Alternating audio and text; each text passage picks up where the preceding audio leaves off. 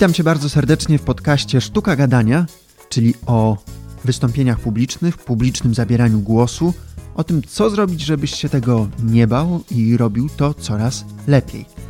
Nazywam się Krzysztof Jakubowski i prowadzę stronę sztukagadania.pl, na której znajdziesz także artykuły dotyczące tej tematyki. A teraz zapraszam Cię do wysłuchania kolejnego odcinka Sztuki Gadania.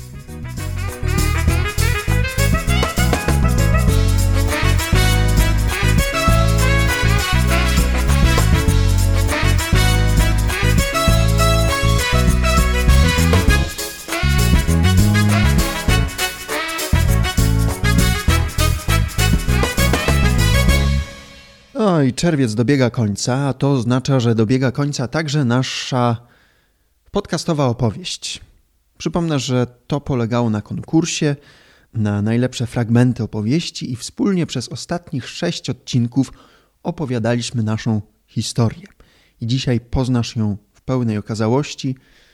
Posłuchasz tej opowieści po dzisiejszej rozmowie. A gościem dzisiejszego odcinka jest Michał Kruszyński – prezes Fundacji Nowy Głos. Fundacja zajmuje się m.in. organizowaniem turniejów debatanckich, konferencji, spotkań naukowych, prowadzeniem szkoleń z przemawiania publicznego. Współtworzy także Mistrzostwa Polski Debat Oksfordzkich, a także Akademickie Mistrzostwa Polski Debat Oksfordzkich. A dzisiaj porozmawiamy o umiejętności dyskutowania. Skąd biorą się nasze kłopoty w dyskusji? Jaki jest poziom dyskusji Polaków, jak to wygląda na tle innych krajów, co jest najważniejsze w dyskutowaniu, jak przekonywać w dyskusji, jak dogadać się z kimś o skrajnie różnych poglądach, także tych politycznych, czym jest wygrana, a czym przegrana w dyskusji? I przede wszystkim jak na co dzień ćwiczyć umiejętności dyskutowania, argumentowania, niekoniecznie wybierając się na drogie szkolenia, poznasz kilka skutecznych sposobów do tego, żeby lepiej dyskutować. Dlatego, nie przedłużając, zapraszam Cię do wysłuchania rozmowy, a potem do wysłuchania naszej wspólnej podcastowej opowieści. Witaj, Michale, dzień dobry. Cześć, Krzysztof. Już od dłuższego czasu próbuję Cię namówić na tę rozmowę. Wiem, że jesteś zapracowanym człowiekiem, ale wreszcie udało się znaleźć miejsce w grafiku. A to, że jesteś zapracowany, to świadczy o tym, że te zajęcia, warsztaty, wykłady, które prowadzisz, cieszą się sporym zainteresowaniem. A wiem, że pomagasz ludziom y, uczyć się, rozwijać umiejętności prowadzenia dyskusji, argumentowania. I chcę Cię od razu zapytać, Skąd Twoim zdaniem to zainteresowanie i to zapotrzebowanie się bierze? Czy nie jest tak przypadkiem, że powinniśmy uczyć się tych umiejętności w szkole, na studiach, a nie z dodatkowych warsztatów? Powiem Ci szczerze, że to, że jest takie zainteresowanie, jest paradoksalnie dużym problemem, bo to znaczy, że e, zainteresowanie warsztatami wynika z głębokich zaniedbań systemowych, na przykład e, jeśli chodzi o nasz system edukacji. Problem polega na tym, że dzisiaj na lekcjach nie uczymy się, jak argumentować swoje racje, mimo że musimy pisać rozprawki. Potem musimy odpowiadać przed całą klasą zestresowani, mimo że nikt nigdy nie nauczył nas, jak to robić. Powiem Ci szczerze, że ja pierwszy raz musiałem występować publicznie wiele, wiele lat temu, kiedy miałem maturę ustną z polskiego i to był pierwszy moment, kiedy system zmusił mnie do tego, żeby wystąpić. W związku z tym na 30 osób jest jasne, że nie wiem, 28 po prostu nie wystąpi publicznie do momentu matury. A jak ty oceniasz poziom dyskutowania Polaków? No w sumie w związku z tym, że nikt nas nigdy tego nie nauczył, nie jest najlepiej. Przez stół świąteczny, kiedy musimy porozumieć się z naszymi ukochanymi rodzicami e, i rozmawiać o polityce, po kłótnie między ukochanymi, przez rozmowy z kolegami przy piwie, no i po oczywiście Sejm i wystąpienia naszych polityków, liderów. Na każdej tej płaszczyźnie, no niestety, chyba większość z Państwa się zgodzi, że jest dość spory problem. A czy masz jakąś wiedzę, jak to wygląda na tle innych krajów europejskich na przykład? Tak, olbrzymim, chyba najlepszym przykładem będzie na ten moment Wielka Brytania. Wielka Brytania, w której Rzeczywiście też nie systemowo, bo nie przez Ministerstwa Edukacji, tylko przez właśnie fundacje nieformalne i zrzeszenia debatantów, takich jak ja. Istnieją organizacje takie jak Debate Mate, które są w stanie dotrzeć nawet do mniejszych miejscowości wsi z warsztatami debatanckimi, z warsztatami z argumentacji, wystąpień publicznych. Powstały specjalne raporty, które pokazują, o ile więcej procent szans ma taka osoba z mniejszej miejscowości po tym, jak skonfrontowała swoje poglądy, skonfrontowała swój strach przed wystąpieniami, e, nauczyła się argumentacji, o ile więcej szans ma taka osoba na dostanie się na przykład na prestiżową uczelnię, czyli lepsze zdawanie egzaminów, nauka logicznego myślenia, nauka tworzenia argumentów, łączenia ich z tematem, z tezą itd., tak itd. Tak to Wielka Brytania wydaje mi się na ten moment być najlepszym wzorem. To teraz jakbyś mógł dać słuchaczom sztuki gadania kilka takich wskazówek, jak, z jakich elementów powinna się składać dobra dyskusja, czym się charakteryzować? Hmm, to jest bardzo trudne, bo dyskusja dyskusji nierówna. Po pierwsze, kiedy dyskutujemy, naszym celem powinno być obranie jakiegoś celu. To znaczy, debatuję, rozmawiam, dyskutuję po coś. Jeśli moim celem jest przekonanie kogoś, to bardzo często podejmujemy złe decyzje w kontekście tego, jak to zrobić. To znaczy, na przykład chcemy przekonać kogoś za wszelką cenę, albo przekonujemy agresywnie, albo nie zwracamy uwagi na emocje, które towarzyszą drugiej stronie podczas tej rozmowy. W związku z tym dobra decyzja to taka, w której po pierwsze dwie strony starają się, by wysłuchać. Mamy tendencję do tego, by od razu myśleć nad kontrą, by od, od razu spróbować wbić ćwieka przeciwnikowi, więc po pierwsze nie myśleć też o y, interlokutorze jako o przeciwniku, bo to zazwyczaj buduje negatywne emocje. Po drugie, postarać się wczuć też w tę drugą stronę, bo jeśli chcemy przekonać kogoś efektywnie do swoich racji, do swoich poglądów, no to powinniśmy zrozumieć, jak ta osoba myśli i może w jakiej bańce medialnej się wychowała, może w jakim środowisku się wychowała, może jakie e, wartości wyznaje ta osoba. Na inna kwestia jest, kiedy naszym celem nie jest e, dyskusja, by przekonać, tylko dyskusja, by porozmawiać, co raczej powinno być punktem wyjścia, a często nie jest. To znaczy w ogóle wtedy nie chodzi o przekonywanie się wzajemne, tylko raczej wzajemne wymienienie się informacjami. No i tutaj znowu zupełnie innych, nie wiem, technik to może nawet brzydko brzmi, jeśli mówię o dyskusji z kolegą, z koleżanką o, o jakiejś e, kwestii społecznej i tak. Więc podsumowując, zależnie od tego, jaki mamy cel, powinniśmy po pierwsze zmienić swoje nastawienie do rozmówcy, po drugie, dobrać odpowiednie narzędzia do tego, żeby e, zrealizować swój cel. Jeśli chcemy się czegoś dowiedzieć, musimy słuchać. Jeśli chcemy kogoś przekonać, musimy zrozumieć, jak tę osobę przekonać, a nie do końca nawet jak my byśmy chcieli ją przekonać, bo w ten sposób niczego nie osiągniemy. To załóżmy, że chcemy kogoś przekonać, ale jednocześnie nie powinniśmy wbijać tego ćwieka. To w takim razie co powinniśmy zrobić, żeby przekonać? Wydaje mi się, że po pierwsze wysłuchać. Moment, w którym dajemy po pierwsze komuś platformę do wypowiedzi, to jest moment, w którym ta osoba czuje się wysłuchana, więc zupełnie inaczej reaguje niż kiedy my od razu ją atakujemy atakujemy, to też jest to złe słowo. E, po drugie, w związku z tym, że wysłuchaliśmy tę osobę, jesteśmy w stanie zebrać bardzo dużo informacji a propos języka, jakim ta osoba się posługuje, a propos, nie wiem, być może wykształcenia, które ta osoba posiada, a propos wartości, które ta osoba wyznaje i tak dalej. W związku z tym, kiedy na przykład rozmawiamy z kimś, kto jest wolnościowcem, możemy opierać swoje argumenty na wolności, po prostu wywodzić z wolności zupełnie inne sformułowania i zupełnie inne tezy.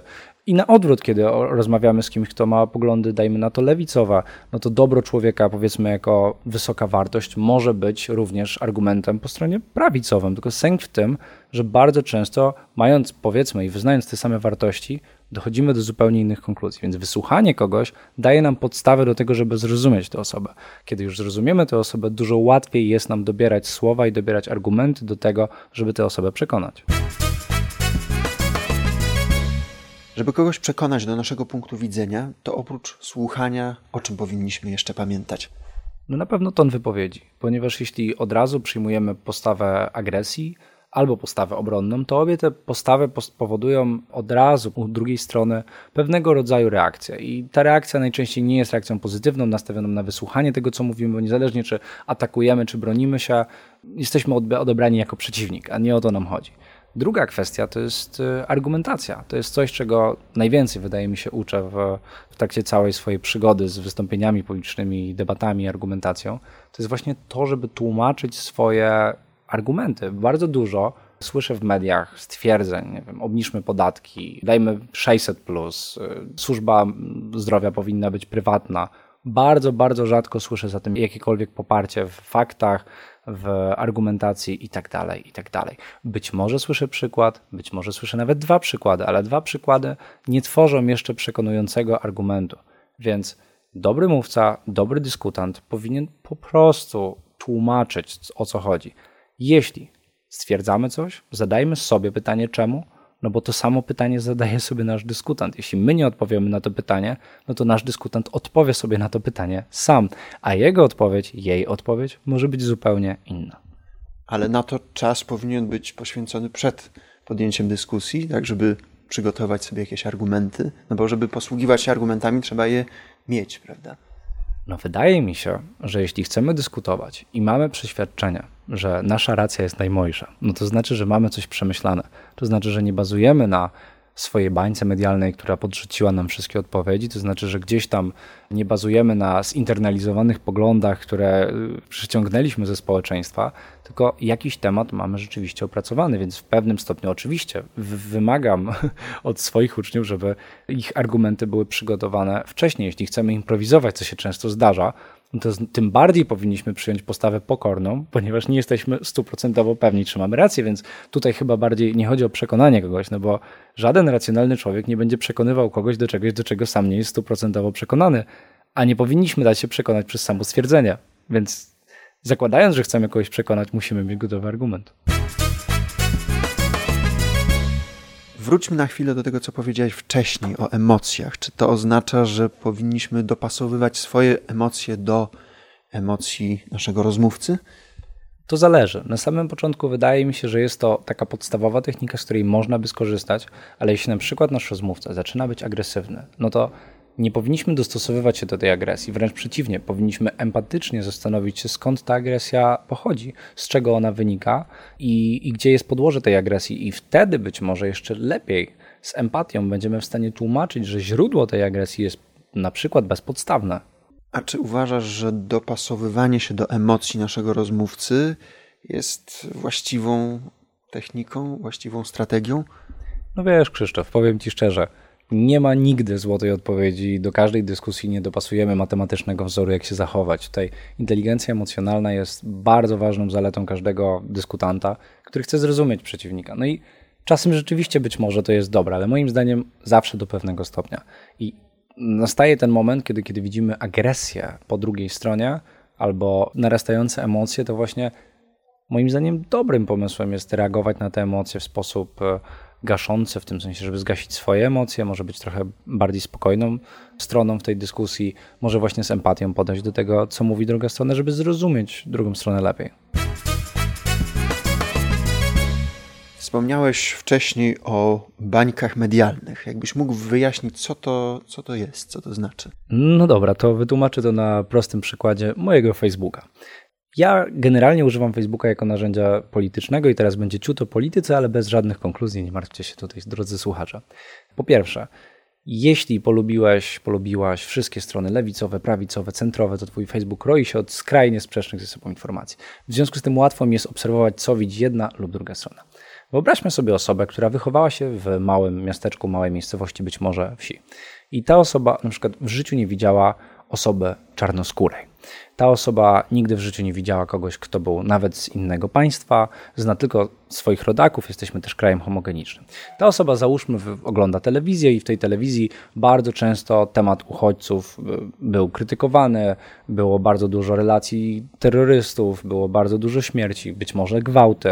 Generalnie ta narracja była e, zwiększona. No i potem wchodziła na Facebooka, widziała dość dużo hate speechu, dość dużo agresji, dość dużo wulgaryzmów, czy nawet takiego budowania strachu wobec uchodźców, a potem widziała filmik na YouTubie, gdzie banda czarnoskórych mężczyzn biegła przez e, granicę i e, krzyczała pieniądze, pieniądze, pieniądze. Widziałem te filmiki, bo, bo byłem też na tych grupach. No I teraz wyobraźmy sobie drugą osobę. Osobę ze środowiska, powiedzmy, z większego miasta, która jest trochę bardziej lewicowa, trochę bardziej liberalna, która miała w klasie dwie czarnoskóre osoby, które są ich przy, przyjaciółmi, w związku z tym zawsze mogła skonfrontować pewne uprzedzenia i tak dalej, i tak. W związku z tym ta osoba potem, kiedy oglądała telewizję czy czytała gazety, widziała nagłówki raczej pozytywne o uchodźcach, e, widziała na przykład tragedię, jaką przeżywają te osoby na Bliskim Wschodzie, a potem wchodziła na Facebooka i widziała bardzo dużo głosów poparcia, wszyscy znajomi popierali przyjęcie uchodźców itd., tak itd., tak a na sam koniec widziała ten filmik, w którym babcia płacząca w Niemczech z, ze wzruszeniem przytula uchodźcę, bo wie z jakiego koszmaru został ten uchodźca uratowany i wie jak bardzo dużo przeżył. No I teraz wyobraźmy sobie te dwie osoby z tych absolutnie dwóch różnych baniek społecznych, baniek medialnych, które chcą ze sobą rozmawiać. I sęk w tym, że nawet najlepszy argument, nawet y, najlepsze przygotowanie do tej dyskusji będzie się odbijało od przeżyć tych osób, od wewnętrznych, zinternalizowanych przeżyć tych osób, które nie będą się nawzajem rozumiały, bo przecież twój najlepszy argument nie wyprze moich wewnętrznych dziesięciu wspomnień, nie wyprze opinii 15 moich najbliższych znajomych, nie, nie wyprze wychowania, które dostałem od moich rodziców. W związku z tym tym bardziej musimy rozumieć siebie nawzajem, musimy rozumieć inne poglądy, e, musimy rozumieć inne punkty widzenia, żeby dobrze rozmawiać. I tylko wyłącznie podchodząc empatycznie do osoby, która jest skrajnie nam przeciwna, możemy starać się ją przekonać do swoich racji. Ale wydaje mi się, że najważniejszą rzeczą tutaj jest na samym początku zrozumieć, w jakiej to my jesteśmy bańce. Czy mój argument to rzeczywiście jest argument, czy ja przeczytałem to w jakimś czasopiśmie i nie jestem pewien, no mi osobiście zdarzyło się raz być święcie przekonanym, że coś istnieje lub nie istnieje, bo widziałem takiego mema i potem ktoś mi wyknął, nawet zrozumiał, że to było z mema i ej, nie masz racji. I ja dopiero wtedy musiałem poddać to refleksji, więc samo zrozumienie, że być może my jesteśmy podmiotem jakiejś tam generalizacji, być może nawet manipulacji, że być może to my mamy skrajnie sprzeczne informacje z drugą osobą, może to wina jest po naszej stronie. Dopiero kiedy sami zrozumiemy, co włada moim światopoglądem i skąd biorę informacje, dopiero wtedy będziemy mogli starać się obiektywnie oceniać, czy moje argumenty są poprawne, czy jeden filmik jest bardziej prawdziwy od drugiego filmiku, czy jeden nagłówek jest bardziej prawdziwy od drugiego nagłówku. No i drugim krokiem wtedy będzie zrozumienie tej drugiej osoby. Czy jeśli my zrobimy te dwa kroki, o których wspomniałeś, czyli najpierw zrozumienie swojej bańki, a później próba zrozumienia tej drugiej osoby, a druga strona tego nie zrobi, nie zrobi ani jednego kroku, to czy automatycznie przegrywamy w takiej dyskusji? No i widzisz, tu jest fundamentalne pytanie, czym jest wygrana, czym jest przegrana.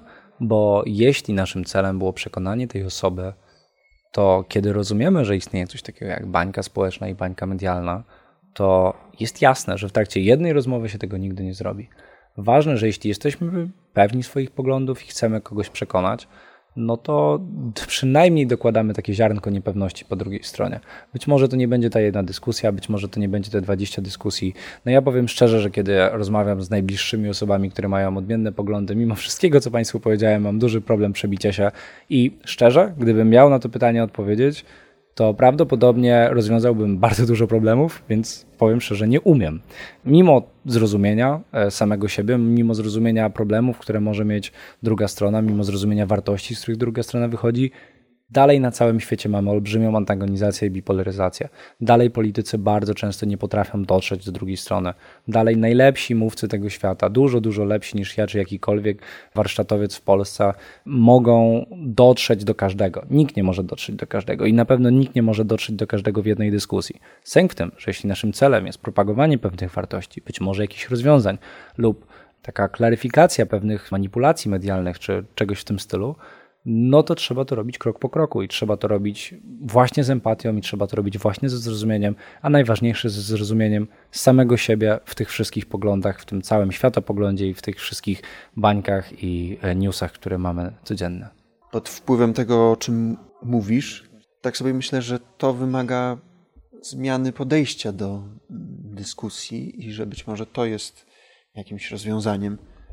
No, zmiana paradygmatu dyskusji jest olbrzymim wyzwaniem, którego nie da się zrobić w ogóle w przeciągu prawdopodobnie nawet tej dekady. Sęk w tym, że są ludzie, którzy się starają. Większość tych osób, które ja znam i które działają na rzecz tego, żeby ta dyskusja była coraz lepsza, używają czegoś takiego, co nazywa się debata oksfordzka. No i debata oksfordzka polega właśnie na tym, że mówcy po pierwsze losują temat i mają tydzień na przygotowanie, a po drugie losują stronę. W związku z tym, w tym sensie uczymy młodzież, ale nie tylko młodzież, bo i dorosłych, nawet seniorów, tego, jak przygotowywać się do argumentacji, do, do dyskusji, do debaty po drugiej stronie. Bardzo często musimy po pierwsze przygotować się na argumenty strony, z którą się zupełnie nie zgadzamy, a później, jeśli wylosujemy tę stronę 15 minut przed debatą, no to musimy je bronić. W związku z tym długofalowo młodzież, która teraz przechodzi przez te warsztaty, dorośli, którzy przechodzą przez te warsztaty, przy czym przyznam, że im wcześniej, tym lepiej zacząć taki proces, no są dużo bardziej pluralistyczni w poglądach. Te poglądy są coraz mniej skrajne, bo nagle się okazuje, że na jedno pytanie nie ma jednej dobrej odpowiedzi, tylko jest powiedzmy 15 odpowiedzi, które zależnie od kontekstu, zależnie od sytuacji stają się bardziej lub mniej właściwe. No i debata uczy tego, że trzeba mieć pokorę do tego, co mówi druga strona. Trzeba kulturalnie wysłuchać drugą stronę. Nie można na debacie formalnie przerwać drugiej stronie. Dopiero kiedy druga strona chce przyjąć od nas pytanie, chce wysłuchać tego, co my mamy do powiedzenia, dopuszcza nas do głosu. Więc w, tych, w tym sensie debaty uczą nie tylko pluralizmu, nie tylko uczą, że każdy problem ma przynajmniej dwa rozwiązania, o ile nie więcej, ale uczą nas również tego, żeby słuchać i żeby starać się zrozumieć przeciwnika. A kiedy przygotowujemy się na dwie strony, to rozumiemy całe spektrum debaty, a nie tylko wybrany kawałek, który my sami chcielibyśmy, żeby był jedynym w tej debacie. Gdyby któryś ze słuchaczy sztuki gadania chciał ćwiczyć umiejętności dyskutowania, argumentowania, to co byś mu lub jej polecił?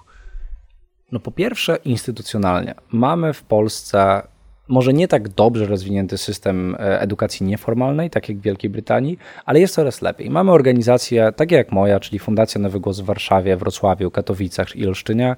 Mamy Krakowskie Stowarzyszenie Mówców w Krakowie, mamy w Poznaniu Fundację Edukacyjną G5. To są debaty oksfordzkie, ale mamy również debaty parlamentarne i mamy środowiska debat parlamentarnych i kluby debat w bardzo wielu miejscach w Polsce. One uczą trochę czego innego, ale to na pewno jest nauka pluralizmu i na pewno nauka tego, że wiele jest rozwiązań na, jedno, na jeden problem. A jeśli chodzi o taki poziom prywatny, co my możemy zrobić jako jednostki, kiedy nie chcemy się angażować, siedzimy w domu i, i, i nie do końca mamy czas się angażować w jakieś warsztaty czy wystąpienia publiczne, to ja polecam zrobić taki eksperyment. Jeśli korzystacie z Facebooka, to zróbcie na Facebooku, jeśli z Twittera, to na Twitterze. Wejdźcie na Facebooka, polajkujcie absolutnie wszystkie przeciwne wam e, frakcje.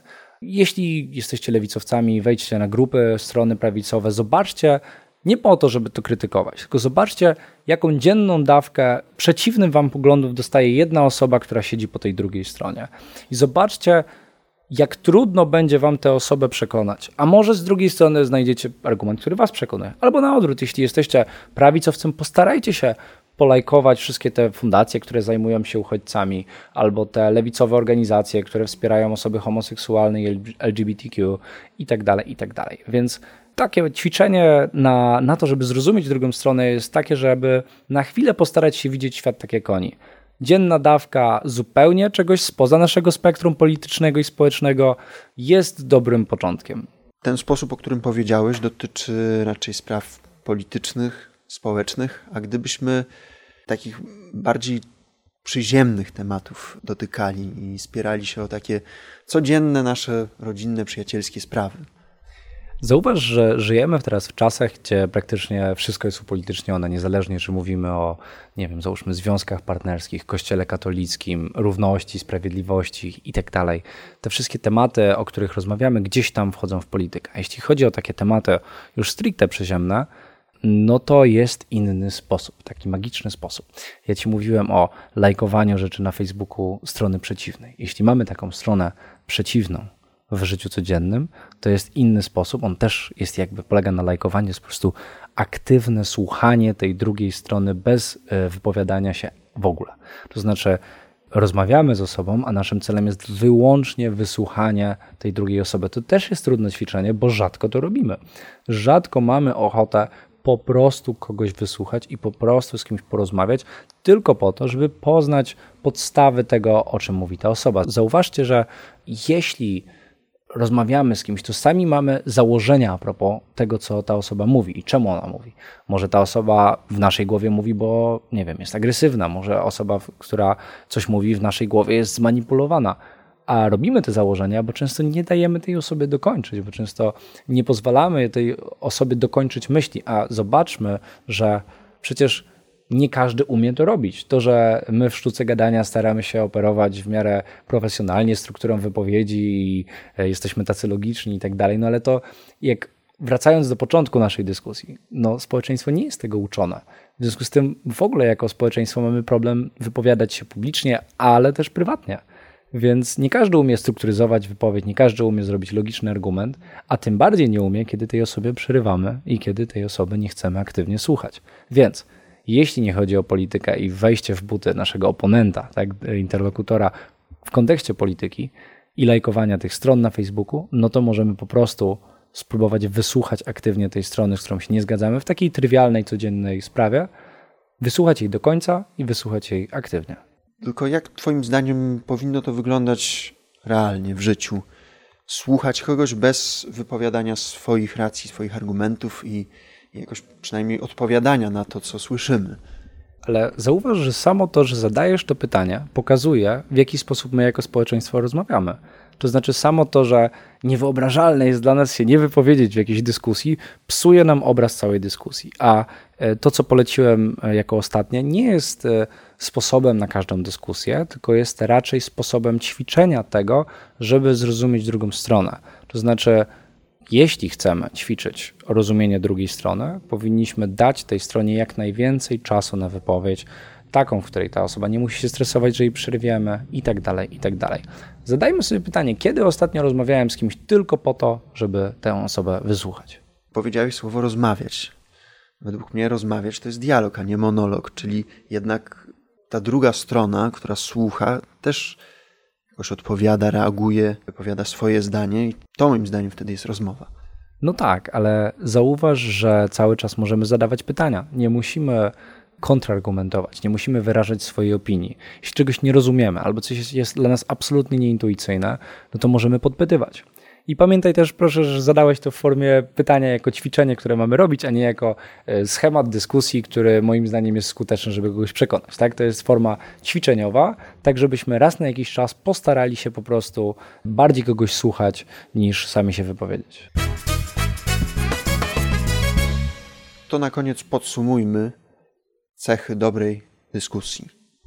To jeśli chcemy, żeby dyskusja była dobra, to po pierwsze powinniśmy słuchać, po drugie, powinniśmy starać się zrozumieć i w ten sposób dopasowywać nasze słowa do tego, jak druga strona odbiera te słowa. Po trzecie, powinniśmy przygotować się do tej dyskusji, to znaczy, jeśli chcemy naprawdę kogoś przekonać i wierzymy w to, że racja gdzieś tam stoi po naszej stronie, no to powinniśmy mieć to przemyślane i powinniśmy uargumentować to, czemu tak jest, a nie tylko rzucać suche e, stwierdzenia. No i właśnie sama ta argumentacja i tłumaczenie, czemu tak mówimy, a nie tylko, że tak twierdzimy. Wydaje mi się, że jeśli te cztery punkty gdzieś tam będą zrealizowane, to, to ta dyskusja będzie dużo bardziej owocna. Tak jak powiedziałem, te dwa ćwiczenia, zarówno internetowe, jak i codzienne, mogą pomóc uczyć się empatii. No a z takich rzeczy, które można robić na co dzień, to właśnie angażować się w różnego rodzaju warsztaty z tego, jak debatować, jak dyskutować, jak starać się przekonać drugą stronę do swojej racji. No i co? Wydaje mi się, że to chyba tyle ode mnie. Dziękuję Ci za tę rozmowę i życzę Ci, żebyś jak najwięcej osób przekonywał, uczył tego, czym jest dobra dyskusja i jak te umiejętności opanować. Żeby dobrze uczyć, cały czas trzeba się uczyć. W związku z tym, zarówno ja, jak i trenerzy mojej fundacji w zasadzie cały czas staramy się debatować i być aktywnymi. I też e, to polecam wszystkim słuchaczom sztuki gadania, bo uważam, że im więcej gadamy, tym będzie nam lepiej i im więcej wymieniamy się swoimi spostrzeżeniami, mieszamy światopoglądy, e, staramy się po prostu rozmawiać, tym nasz świat będzie trochę lepszy. To był Michał Kruszyński. Bardzo dziękuję za tę rozmowę. A teraz przejdźmy do opowieści, którą tworzymy przez ostatnie trzy miesiące naszej podcastowej opowieści. Przez ostatnich sześć odcinków czekałem na Wasze fragmenty tej opowieści i wybierałem spośród nich najlepsze. Dziękuję bardzo osobom, które się w to włączyły.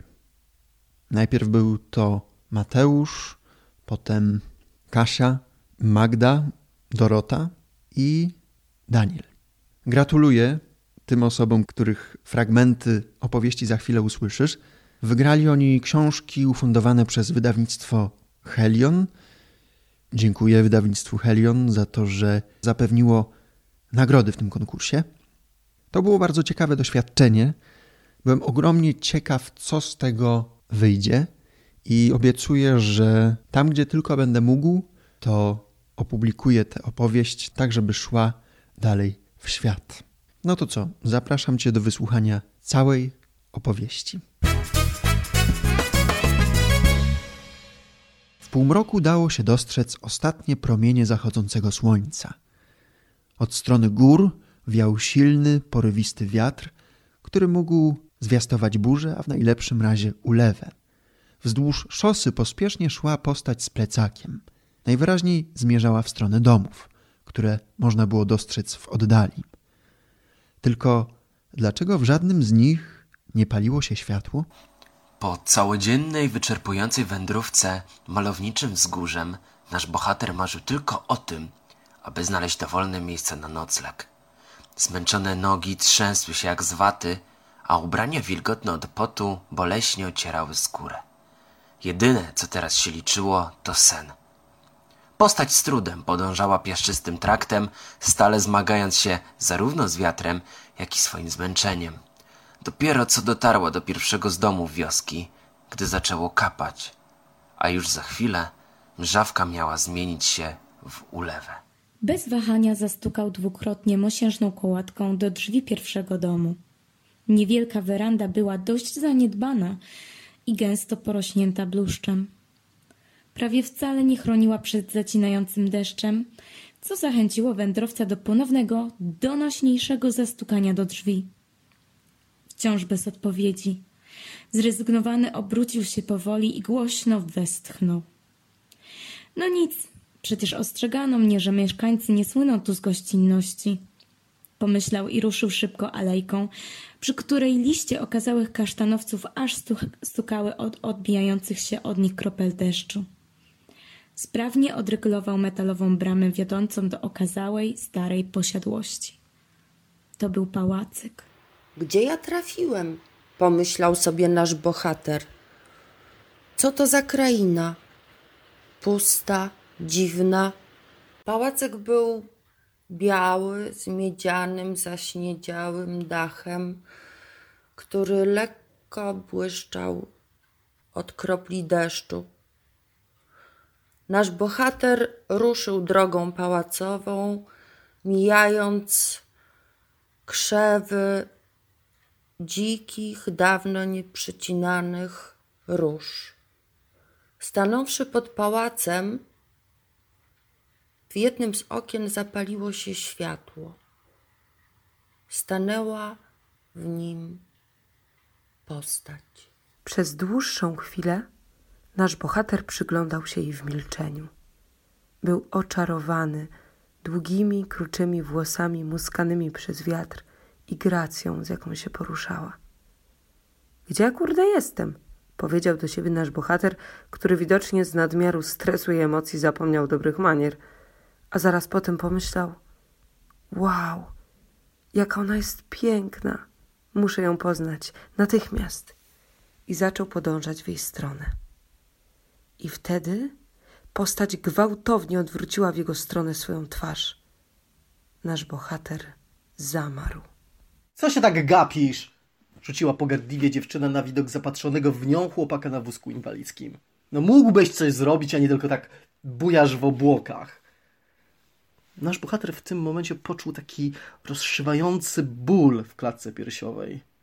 Hmm. Gdyby tylko ktoś chciał mi dać szansę na pracę, na taką zwykłą, normalną pracę, pomyślał.